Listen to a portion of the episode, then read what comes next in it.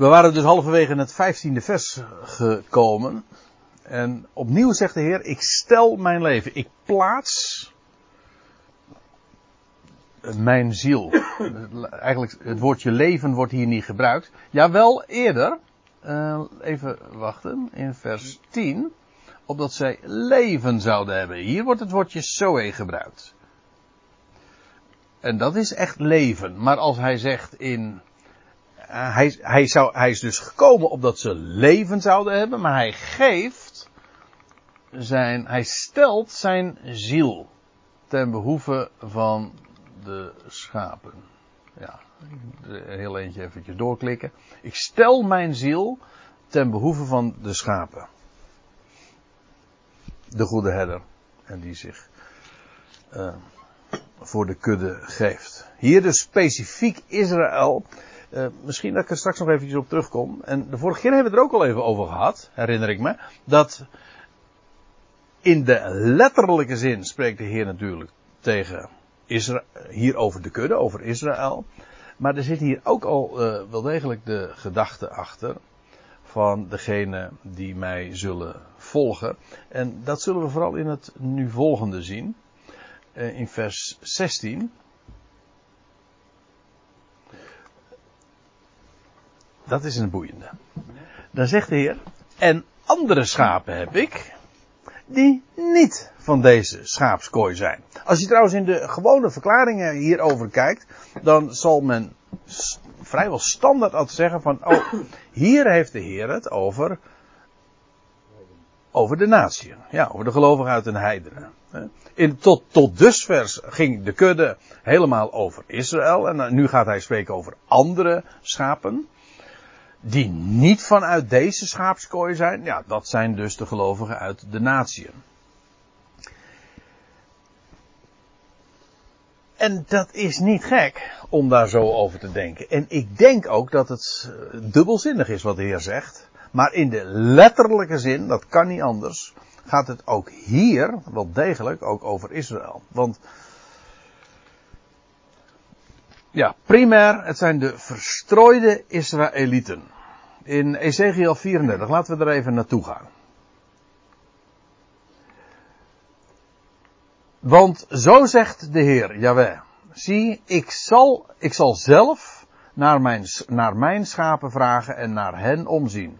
Zoals een herder naar zijn kudde omziet, wanneer hij te midden van zijn verspreide schapen is, zo zal ik naar mijn schapen omzien en ze redden uit alle plaatsen, waar zij verstrooid zijn geraakt, op de dag van wolken en duisternis. Dat geeft trouwens wel aan dat de Heer hen dus weer terug gaat brengen. En die dag van wolken en duisternis, dat is die dag des Heren waar uh, de profeten zo dikwijls over spreken. Maar hij, het gaat hier dus over schapen die al orwegen uh, verstrooid zijn. Kijk, je had de schapen in deze stal van Juda. Maar ook de schapen die overal elders vertoefden. En dat zijn de schapen die dus niet van deze stal zijn. Dus buiten het land. Dus de gedachte dat die andere schapen gewoon gelovig uit de heidenen zijn, u en ik.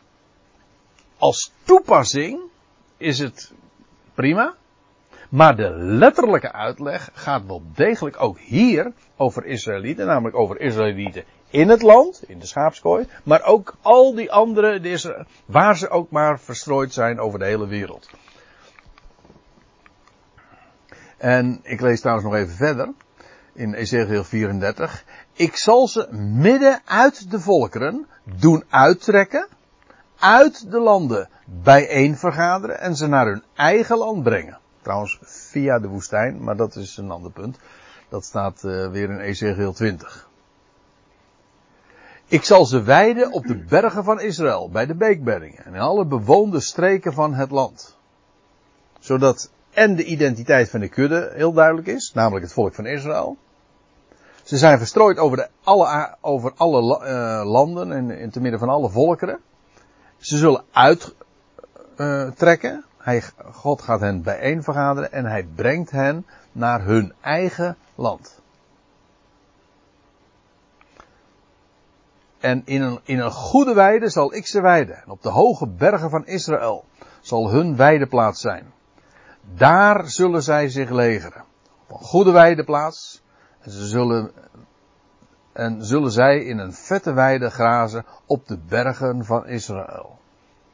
Nou, misschien wel een van de allerduidelijkste plaatsen waar uh, de, de, kudde verzameld wordt en inderdaad gebracht wordt in het land. Dat is de plaats waar ze weiden zullen vinden. En ook tot een, een kanaal van zegen voor de hele wereld gaan worden. En eh, dit is dan Ezekiel 34, maar Ezekiel 36, Ezekiel 20. Er zijn uh, heel wat hoofdstukken in, in dit boek waar daarover gesproken wordt.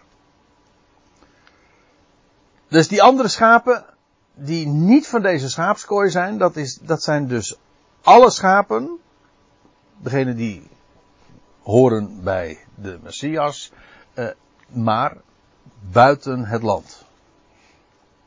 En dan zegt de Heer, ook die moet ik leiden. En ze zullen mijn stem horen. En ze zullen worden één kudde, één herder.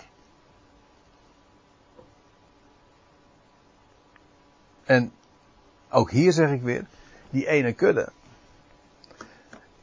Dat is gewoon Israël. In de eerste plaats. En op een verborgen manier, en dat is wel weer opmerkelijk, lijkt dit heel erg veel op wat Paulus ook schrijft in de Efezebrief. Dan zegt hij, nee ik heb er geen diaatje van, maar uh, Efeze 2 met name, daar wordt gesproken over dat, uh, dat God de, de twee, Jood en Heiden, één heeft gemaakt, in één lichaam verbonden heeft, één hoofd over hen. En waarbij de een de Jood is en de andere is, uh, dat zijn de natieën. Dus het lijkt wel heel erg veel op elkaar. Dat is de verborgen toepassing. Dus je hebt een, de letterlijke profetie, gaat over Israël, en dat moet nog steeds dit vervuld worden. Maar in het verborgene doet de Heer ook zo'n werk vandaag. Namelijk dat hij Jood en Heiden bijeenbrengt in, in één volk. En hij geeft hen één hoofd. En het is één hoofd en één, en één lichaam. Dus de connectie, de overeenkomst, de parallellen tussen beiden. Wat straks dus in het openbaar letterlijk met Israël gebeurt, gebeurt nu in het verborgene met een volk dat uit de natie verzameld wordt. Waarin Jood en Heiden ook één zijn. Maar dat fenomeen, daar hebben we het al veel vaker over gehad. Dat zie je juist in het Johannes-evangelie heel veel.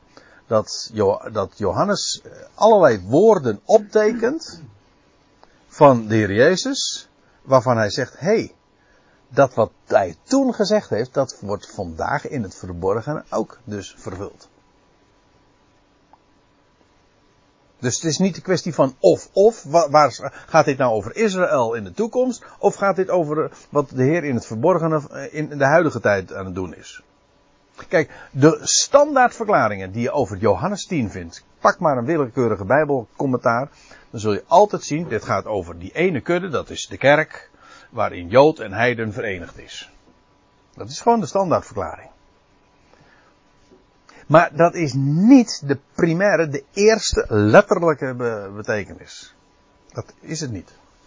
Dat is een toepassing, een verborgen toepassing die, uh, die ook waar is. Maar die verborgen betekenis, die zinnebeeldige betekenis, is gebaseerd op de letterlijke ik zal dat nog een keer, uh, ik zal dat vanuit nog een passage in Ezekiel uh, duidelijk maken. Want er staat hier, en zij, dus die schapen van deze kooi, maar en al die andere schapen, en zij zullen worden één kudde, één herder. En dat refereert aan Ezekiel 37. Ik, ook dat lees ik voor. En dan zegt de Heer, en ik zal hen tot één volk maken in het land op de bergen van Israël. En één koning zal over hen allen koning zijn. Eén volk, één koning. Niet langer zullen ze twee volkeren zijn. En niet langer verdeeld in twee koninkrijken, zoals dat in het verleden was. Hè? Je had het koninkrijk van Juda, het koninkrijk van de, de tien stammen. Niet langer twee volken, nee één. En mijn knecht David zal koning over hen wezen. Eigenaardig, hè? Mijn knecht David. Dat is de. Ja, dat is de profetische David. Dus de zoon van David. Want hoe was het ook alweer? Wat had, wat had uh, de engel ook alweer tegen Maria gezegd in Lucas 1. En de Heer God, wat zegt ze dan? Zegt die engel dan tegen Maria. En de Heer God zal hem, dat wat zij, haar zoon, zal hem de troon van zijn vader David geven. En die troon staat maar op één plaats hoor, en dat is Jeruzalem. Ja. Ja. Nou is ook in ieder geval niet de Knesset. Nee, want zo wordt het natuurlijk ook nog eens voorgesteld. Als ik eventjes... Uh, we hadden het een, in de pauze eventjes over, de, over het verplaatsen van die ambassade. Maar ik las ook een artikel... Uh, nou, of althans een commentaar over het huidige gebeuren, over de, de verhuizing van die ambassade en het commentaar van uh, het Christen voor Israël. Die organisatie die, maakt zich natuurlijk heel erg sterk voor de staat Israël en support dat heel erg. Maar die stelt het eigenlijk zo voor, ja, dat wat er nu gebouwd wordt door uh, ja, dat hele sionistische project, zeg maar, de Joodse staat, dat is, dat is Gods werk. En het, eigenlijk komt het er een beetje op neer dat als de Messias straks zal terugkeren, dan gaat hij rechtstreeks zo naar de weg naar de Knesset en dan gaat hij daar zijn openingstoespraak houden. Zo, een beetje in die trant. Maar zo zal het helemaal niet gaan. Want er blijft helemaal niks van die staat over. Dus moet je over, over, over doordenken. Dat, je leest in Jezaja 6, er zal geen levende inwoner dan nog uiteindelijk in het land overblijven. En dat wat het overgebleven is, vlucht naar de woestijn. Dus die hele staat wordt compleet vernietigd. Kan niet anders. Nou ja, ja. Uh, kom in een gespreid bedje. Nou, dat is onbestaanbaar gewoon. Ja. Dat is niet gebruikelijk. Zo van, de mensen hebben iets uh, opgebouwd en, en nou, gaat, nou gaat de Heer dat nog even afmaken. Nee. Uh, mensenwerk, dat, er blijft niks van over. Nee, wat dat betreft is de Bijbelse profetie over de Joodse staat niet niet gunstig. Vandaar ook dat het voor ons, denk ik, eh, als je daar vanuit de schrift, vanuit de profetie tegenaan kijkt, is het eigenlijk helemaal geen politieke kwestie. Kijk, natuurlijk is, ligt onze sympathie toch bij het volk van de belofte. Maar het is niet zo van dat eh, dit, dat, dat sionistische ideaal en de Joodse staat, dat dat, uh, dat dat allemaal de vervulling is van Gods belofte. Helemaal niet. dat we dat moeten supporten als. Want ja, zo wordt het dan natuurlijk uh, gepromoot. Van ja, wij moeten daar voorstanders van zijn dat die, uh, dat die ambassade dan uh, ook de Nederlandse ambassade naar, naar Jeruzalem zou verhuizen. Nou, sorry, maar. Hè? Je zit er slecht. Ja, wou ik zeggen. Ja, ik bedoel, voor mij, eigenlijk voor ons is het helemaal geen politieke kwestie. Het is meer, het is een profetisch fenomeen. En dat heeft niks te maken met of je er naar voor of tegen bent. Hoe kom ik hier nou op? Ja, ik weet het alweer. De verhuizing van die ambassade, ja. En mijn knecht David, namelijk de zoon van David, eigenlijk ook, David betekent trouwens het woord uh, geliefde. En wie is de geliefde? Ja. Hè? Ja. De zoon van David, dat is de echte geliefde. Dat is de ware David. En mijn knecht David zal koning zijn, uh, zal koning over hen wezen. Eén herder zal er voor hen allen zijn. Eén volk. Eén herder zal er voor hen allen zijn. En zij zullen naar mijn verordeningen wandelen. En naastig mijn inzettingen onderhouden. Want de Heer zal dan hun, zijn wetten in hun hart schrijven. Niet meer opgelegd, maar van harte zullen zij dat doen. Nou, je ziet natuurlijk wel. Het is één herder is één volk. En ja, wat is het volk van een herder? Dat is één kudde. Dus als er staat. Die andere schapen, die, die, die moet ik ook leiden. En, en die breng ik dan uiteindelijk. Die breng ik dus bij elkaar.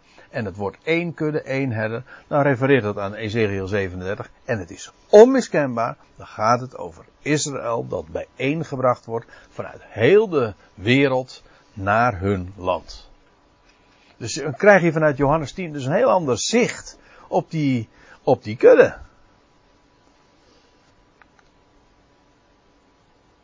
Ja, ik had hier nog geen uh, aantekeningen bij geschreven, maar we zijn nog uh, behoorlijk ver gekomen. Misschien kunnen we nog eventjes doorgaan dat er in Johannes uh, 10 vers 17 dan staat, hierom heeft de Vader mij lief, omdat ik mijn ziel stel, of omdat ik mijn leven afleg. Oh ja. Ik ben heel benieuwd. Hè? Ik ben heel benieuwd. Nu. Nou ja. Wat na, na volgende. Ik struikelde over die, die vertaling over uh, van 17 en 18. Ja. Nou, zullen we eventjes doorgaan? Uh, omdat ik, de Vader heeft mij lief, met het oog waarop. Hè? Omdat ik mijn ziel stel, hè? dus eigenlijk inderdaad uh, mijn leven afleg, hè? mijn ziel stel, opdat ik haar weer zou ontvangen. Dus de, de liefde van de vader voor zijn zoon, de goede herder dus, die is er daarin gelegen dat hij zijn ziel stelt, aflegt, maar het ook weer zal ontvangen, maar dan werkelijk overvloedig leven. Dus dat is wat God voor zijn zoon in petto heeft. Dat overvloedige leven en via hem ja, gaat, zal dat leven ook het deel worden van, ja, van heel de kudde, maar in wezen gaat het natuurlijk nog veel, veel verder. Niemand neemt, het, neemt haar, mijn ziel, van mij af, maar ik stel haar uit mijzelf. We hebben nou in het Johannes-evangelie al verschillende keren ook daarvoor uh, dat, dat gelezen, dat de, dat, dat ze, de Joden die probeerden hem te stenigen, of ze probeerden hem te pakken, en dan lees je, maar de Heer ontweek aan hun handen, omdat het zijn tijd nog niet was. Zo. Niemand, dat, dus als de Heer dat hier zo in Johannes 10 zegt, dan zie je dat in de, in, in de rest van dit evangelie ook een aantal keren gewoon heel duidelijk gedemonstreerd. Ik stel haar uit mijzelf. Ik heb volmacht. Dat is een wat letterlijke weergave, maar ik denk dat uh, de gedachte je niet kan ontgaan. Ik heb volmacht, dat wil zeggen, ik heb de autoriteit gekregen haar te stellen, dat wil zeggen af te leggen. Maar ook volmacht haar weer te ontvangen. Dus het, het is volmacht, dat wil zeggen, hij heeft die autoriteit gekregen, van Gods wegen dus. En volmacht ook haar weer te ontvangen. Dat wil zeggen, drie dagen later zal ik dat leven weer ontvangen. En dit voorschrift, namelijk om dit te geven en te ontvangen, dat ontving ik van mijn vader. Maar Fred, jij had uh, nog een specifieke vraag? Nee, oh. ik, uh, ik, had er even vooruit zitten lezen en ik was ook heel benieuwd naar dit, 17 18. Want uh, statenvertaling die zit je wel heel lelijk op het verkeerde been. Door net Oh, ja. Ik weet het. Door, dus, maar ook de MBG-vertaling hoor. Ja, dat zal best. Omdat ik het wederom nemen. Juist, dat is het woord. Macht is dus geen macht, maar is volmacht. Ja, ik vermoed het al, maar daarom. Nu ineens, ja, ik zei al, ik had er nog geen aantekeningen bij gemaakt. Maar het is zo, er staat niemand. Als je ook gewoon in de MBG-vertaling dus meeleest, dan staat er uh, in vers 17, hierom heeft mij de Vader lief, omdat ik mijn leven, of letterlijk mijn ziel, afleg, om het weder te nemen. Dat is dat niet te nemen, is dat gewoon te ontvangen. Niemand ontneemt het mij, maar ik leg het uit mijzelf af. Ik heb macht het af te leggen en macht het weder te nemen. En dit gebod heb ik van mijn vader ontvangen. En nou, nou, nou komt hij. Hier wordt en ik kan, het je, ik kan het gewoon ook laten zien. Hier wordt twee keer het woordje ontvangen ge, gebruikt. In het Grieks. Het, hier zie je dat woordje labijn. Uh, om haar weer te ontvangen, om te nemen. Hier wordt het vertaald met nemen in de MBG-vertaling. En hier wordt het vertaald in de, Staten, in de MBG-vertaling, maar ook in de Statenvertaling met ontvangen. Klopt dat? Wat ik nu zeg? Ik mag het zelf wederom te nemen. Dit en dit voorschrift, of dit gebod? Dit gebod heb ik van mijn vader ontvangen. Ja, nou. Kijk, en dan zie je. Hè? En het is hetzelfde. Het is hetzelfde Griekse woord. Hier wordt dus hetzelfde Griekse woord gebruikt als hier. Ja, ik heb dat in deze letterlijke vertaling, heb ik dat keurig dus zo weergegeven. Maar dan zie je hoe misleidend het is, want men zegt van ja, de Heer Jezus heeft het leven genomen. Dat was een activiteit. Maar dat is helemaal niet zo. Want als dat zo zou zijn, dan had men, dan moet je ook hier vertalen, dit voorschrift heb ik genomen van mijn vader. Ja. Nee, hij ontving het. En dan vertaalt wel, men het wel keurig met ontvangen. En hier ontvangt men, of hier vertaalt men het met nemen. De gedachte is natuurlijk, daar hebben we het wel eens vaker over gehad. Nou, hier in deze context geloof ik niet. Maar dat de Heer Jezus opstond uit de doden. En dat dat een daad was van hemzelf. Ja, omdat hij God was. Omdat hij, God- hij steeg uit graf door eigen kracht, hè, zingt men. Dat heeft veranderd. Ja, ja, en eh, hij steeg uit eh, graf door vaders kracht, want die is God, bekleed met macht. God wekte hem op. Maar die hele gedachte van dat de zoon eh, het leven genomen heeft, dat baseert men op dit vers. Maar dat is een kromme, discordante weergave, want in het ene geval vertaalt men, hij nam het, hij nam het leven, en eh, hij ontving dit voorschrift of dit gebod. Men suggereert dat het twee verschillende woorden zijn. Het is één en hetzelfde woord. Kijk, en hier is het volkomen harmonieus. Niemand neemt het van mij af, maar ik stel haar uit mezelf. Ik heb volmacht haar te stellen, af te leggen, en ik heb volmacht haar weer te ontvangen. Nou ja, als En dat de- heeft hij de gekregen. vertaling leest, dan is het natuurlijk niet goed te rijmen. Als je het, op, je werken, dit gebod heb ik van mijn vader ontvangen. Dus hij ontvangt wel iets. Ja, Een gebod.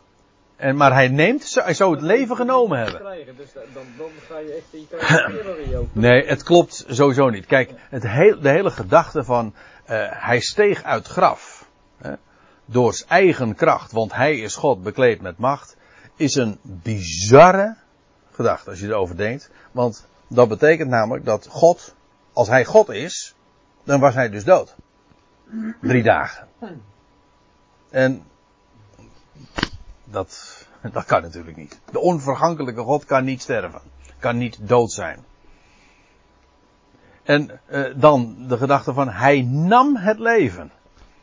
Dus dan was het zijn eigen activiteit. Maar als het zijn eigen activiteit was geweest, dan hoefde, de, dan hoefde hij niet opgewekt te worden door zijn God. Terwijl dat altijd, tientallen keren lees je dat in de Bijbel, God heeft hem opgewekt. We- Laatst nog in Romeinen 6 hebben we dat gelezen, dat hij werd opgewekt door de heerlijkheid van de Vader. Dat, als God dat niet gedaan had, was hij nog dood geweest. Niet hij heeft genomen. Hij heeft het ontvangen. Zoals hij het voorschrift, het gebod ook van de Vader ontvangen had. Het gebod was om het af te leggen en dan zou hij het weer ontvangen. Ja, precies ja. Het is een, een, een volkomen logische gedachtegang dan ook. Terwijl die eh, in de vertalingen wordt. Maar dat. De, kijk, wat ik wel eens irritant vind. vanuit de, de kerk, hè, vanuit de orthodoxie, wordt er dan heel vaak schamper gedaan over, ik noem maar wat, eh, de, de, de Bijbelvertaling van die Getuigen. En dan zeggen ze van ja, die Bijbelvertaling die hebben ze vertaald naar hun eigen theologie. Maar dan denk ik, ja, de, de, de pot verwijt, weet al dat hij zwart ziet. Want hoe, hoe, hebben wij dat in onze eigen Bijbel? Dit is een typisch voorbeeld. Zowel de Staten als de NBG-vertaling hebben dit vertaald naar een theologie. Namelijk van de leer van de drie-eenheid. De zoon die het leven heeft genomen. Hij was God en dus steeg hij op uit het graf door eigen kracht. Dat is, heeft niks te maken met vertalen. Dat is, dat is gewoon je theologie projecteren in de Bijbeltekst. Volkomen onnodig. De schrift is volkomen helder. Hij heeft het ontvangen. Nee, daar moet je heel erg mee uitkijken om, uh, om zulke beschuldigingen dan naar anderen te doen. Als je jezelf uh, een flinke klodderboter op je hoofd hebt. Het is natuurlijk wel een geweldige waarheid die hier uh, naar voren gebracht wordt. Over de volmacht die hij van zijn vader heeft ontvangen. En om het, zijn ziel af te leggen, maar ook om het leven te ontvangen. Is dat uh, Stella? Is dat gewoon ter beschikking stellen? Ja, beschikbaar stellen. Ja, eigenlijk is het woord is eigenlijk plaatsen. Maar dus eigenlijk beschikbaar stellen, ja. Pla- plaatsen ervan? Is Ja. leuk, ja. Ja. Dus als hij staat van ik heb haar volmacht haar te stellen, te plaatsen, beschikbaar te stellen. Hier, hier is het. En zo ook weer het leven te ontvangen. En de Heer heeft dus dat eh, zijn ziel gesteld. Maar hij wist, ik sta op. Altijd als de Heer sprak over zijn, zijn, zijn aanstaande sterven. of altijd, die paar keer dat hij dat voorzegde. Deed hij dat altijd met de aankondiging er ook bij. Maar ik zal worden opgewekt. Worden opgewekt. Dus passief. En daar draait alles om. Want juist hij is gekomen opdat we leven zouden hebben. Namelijk en overvloed. Overvloedig leven. Ik stel voor dat we het eh, hier even bij laten. Dan gaan we de volgende keer verder in vers 19.